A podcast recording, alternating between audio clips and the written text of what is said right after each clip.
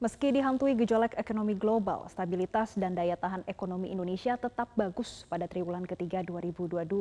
Komite Stabilitas Sistem Keuangan KSSK berkomitmen untuk tetap menjaga stabilitas dan daya tahan sistem keuangan dengan memperkuat koordinasi dalam mewaspadai perkembangan resiko global. Ketua KSSK Sri Mulyani mengatakan kinerja perekonomian global masih melambat dengan resiko ketidakpastian yang makin tinggi. Perlambatan ekonomi terjadi di sejumlah negara maju, terutama Amerika Serikat, Eropa, dan Tiongkok, sehingga menekan PMI manufaktur global ke zona kontraksi, yakni 49,8 pada bulan September. Meski ekonomi global melambat, daya tahan dan stabilitas ekonomi Indonesia sejauh ini masih terjaga dengan baik. Karena permintaan domestik yang tetap kuat, tren investasi yang terus meningkat dan ekspor yang tetap terjaga. Indeks PMI Manufaktur Indonesia pada bulan Oktober juga tetap berada di zona ekspansif, yakni 51,8. Demikian pula indeks penjualan real tetap tumbuh 5,5 persen per September dan indeks keyakinan konsumen masih menunjukkan persepsi yang ekspansif yakni di level 117,2. Meski demikian, KSSK tetap mewaspadai perkembangan resiko global dengan respon kebijakan yang tepat.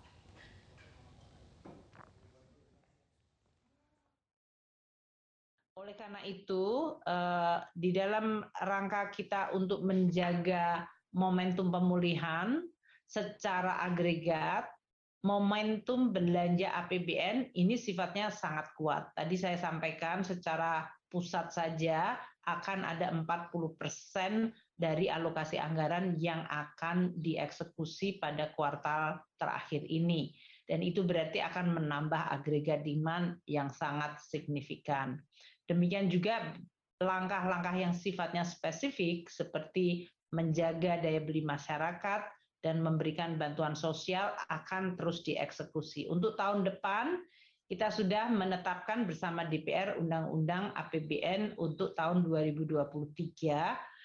Di situ kita melihat bahwa masih banyak langkah-langkah untuk tetap menjaga momentum pemulihan ekonomi nasional kita baik dari sisi total ekspansi dari APBN maupun berbagai program-program spesifik seperti pertama pembangunan infrastruktur yang prioritas masih tetap dijaga. Anggaran untuk bantuan sosial dan juga untuk memberikan bantalan sosial jaring pengaman sosial juga masih uh, cukup signifikan. Dan kita juga akan tetap mempertahankan berbagai insentif yang dirasakan memang sesuai seperti tadi yang dilakukan oleh OJK, targeted dan selektif di dalam rangka kita untuk mampu bisa mendukung agar ekonomi Indonesia resilient, bisa berdaya tahan dan stabilitas sistem keuangan tetap terjaga. Sementara terkait depresiasi rupiah, Ketua KSSK Sri Mulyani menyatakan penurunan nilai tukar rupiah terhadap dolar Amerika masih lebih baik dibanding mata uang negara berkembang lainnya karena depresiasi rupiah per 31 Oktober 2022 hanya sebesar 8,6 persen. Pelemahan sebesar itu masih lebih baik dibandingkan rupiah India yang melemah 10,2 persen, ringgit Malaysia yang melemah 11,8 persen, dan bat Thailand sebesar 12,23 persen. Meski demikian, Bank Indonesia akan tetap melakukan intervensi pasar untuk menahan tren pelemahan depresiasi nilai tukar negara-negara berkembang didorong oleh menguatnya dolar Amerika yang akibat kebijakan policy moneter yang diadopsi oleh Federal Reserve. Juga akibat meningkatnya ketidakpastian keuangan global akibat pengetatan kebijakan moneter yang lebih agresif, terutama di Amerika Serikat. Dolar sangat-sangat super strong. Year to date sudah menguat atau apresiasi hampir 20 persen, 19 persen. Oleh karena itu, Bank Indonesia melakukan stabilisasi nilai tukar rupiah dengan intervensi baik spot maupun forward, bahkan juga operasi di pasar SPN sekunder agar depresiasi ini rupiah ini terjaga. Dan itulah hasilnya bahwa depresiasi nilai tukar rupiah termasuk yang paling rendah di antara negara lain. Kenapa? agar tidak menyebabkan kenaikan harga-harga di dalam negeri dari harga barang-barang import atau imported. Otoritas Jasa Keuangan menyiapkan berbagai arah kebijakan untuk menjaga stabilitas sektor jasa keuangan dan momentum pertumbuhan ekonomi Indonesia. Di antaranya menormalisasi beberapa kebijakan relaksasi yang dikeluarkan pada masa pandemi COVID-19.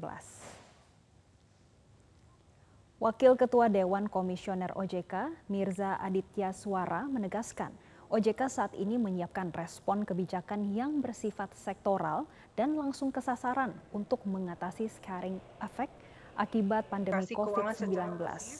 Di antaranya mempertahankan beberapa kebijakan menjaga volatilitas pasar, yaitu melarang transaksi jangka pendek atau short selling dan penghentian perdagangan untuk penurunan IHSG sebesar 5 persen.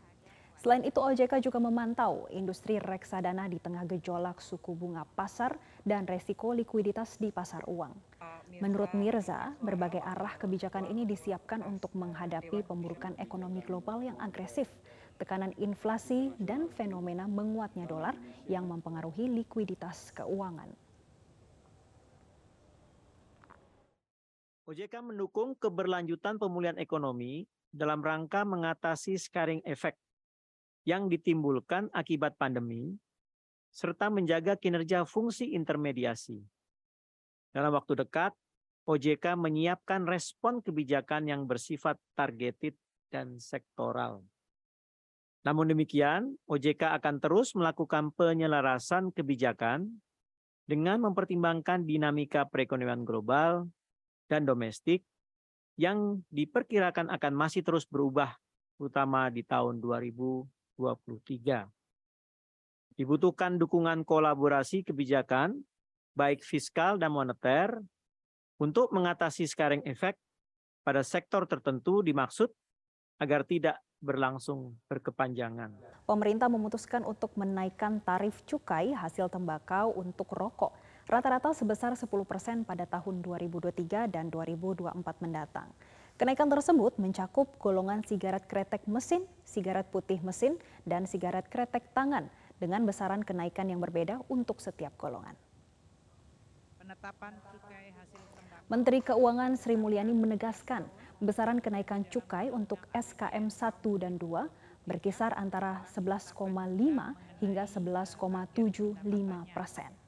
Sementara SPM 1 dan 2 naik sekitar 11 sampai 12 persen dan SKT 1 sampai 3 naik sebesar 5 persen. Menurut Sri Mulyani, kenaikan tarif tidak hanya berlaku pada cukai hasil tembakau, tetapi juga rokok elektrik rata-rata 15 persen dan produk hasil pengolahan hasil tembakau lainnya sebesar 6 persen.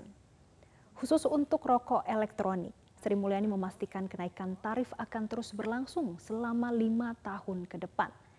Kenaikan tarif cukai ini ditargetkan dapat menurunkan prevalensi perokok anak usia 10 sampai 18 tahun menjadi 8,7 persen dan mengurangi konsumsi rokok yang saat ini masih menjadi konsumsi rumah tangga terbesar kedua setelah beras. Konsumsi kedua terbesar kita selama ini sudah menaikkan cukai rokok di dalam rangka untuk mengendalikan baik konsumsi maupun produksi rokok pada tahun-tahun sebelumnya di mana kita menaikkan cukai rokok yang menyebabkan harga rokok meningkat sehingga affordability atau keterjangkauan terhadap uh, rokok juga akan semakin uh, menurun dan dengan demikian diharapkan konsumsinya akan menurun.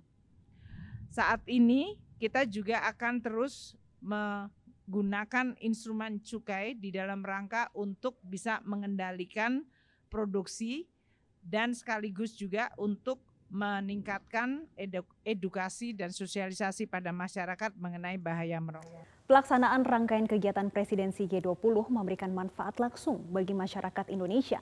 Salah satunya menyerap tenaga kerja hingga 33 ribu orang dan berkontribusi sekitar 533 juta dolar Amerika atau 7,4 triliun rupiah terhadap PDB Indonesia.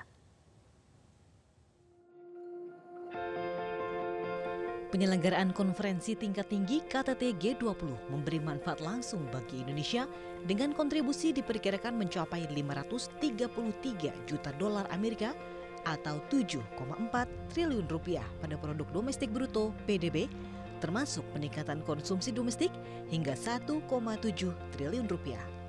Dari seluruh rangkaian kegiatan baik di main event maupun di side event, presidensi G20 Indonesia mampu menyerap tenaga kerja hingga 33 ribu pekerja, terutama dari sektor transportasi, akomodasi, mais, dan UMKM. Karena di setiap event selalu melibatkan UMKM. Ini terlihat dari mulai menggeliatnya perekonomian di Bali. Barangkali kalau kita melihat rangkaian pertemuan yang sudah sebanyak itu dalam satu tahun, multiplier efeknya, kemudian mendorong sektor lain, saya uh, kalau diminta uh, menghitung ulang, saya yakin akan lebih dari 1,7 triliun ini. Uh, sebagai bandingan, tahun 2018 kita menyelenggarakan annual meeting IMF World Bank. Kebetulan saya juga ditegaskan sebagai ketua pelaksana hariannya di tingkat nasional.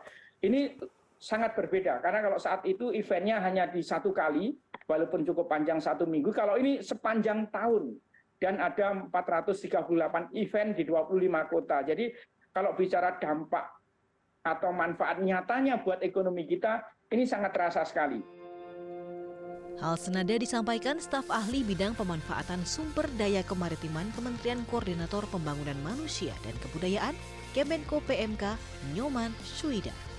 Nyoman Shuida mengatakan G20 memberikan dampak maksimal dan langsung bagi masyarakat seperti peningkatan wisatawan mancanegara hingga 1,8 juta hingga 3,6 juta, serapan tenaga kerja 600 ribu hingga 700 ribu yang ditopang sektor kuliner, fashion, dan kria. Yang kita harapkan dari uh, G20 ini adalah meningkatkan devisa dari kunjungan delegasi ke Indonesia, kemudian menghidupkan sektor hospitality, mendukung peningkatan konsumsi domestik dan mengoptimalkan peran UMKM, serta meningkatkan penerapan tenaga kerja. Hmm. Di tengah-tengah dampak COVID-19, kita memiliki optimisme akan adanya perbaikan. Karena lahirnya kebijakan-kebijakan atau rumusan-rumusan kebijakan yang dibahas di dalam KTT G20 ini untuk perbaikan kesehatan kita berikutnya. Proyeksi ini masih bersifat prediksi terhadap adanya potensi manfaat dilaksanakannya perhelatan dan presidensi G20 di Indonesia. Capaian yang real baru akan bisa didapat dari analisis pelaksanaan kegiatan G20.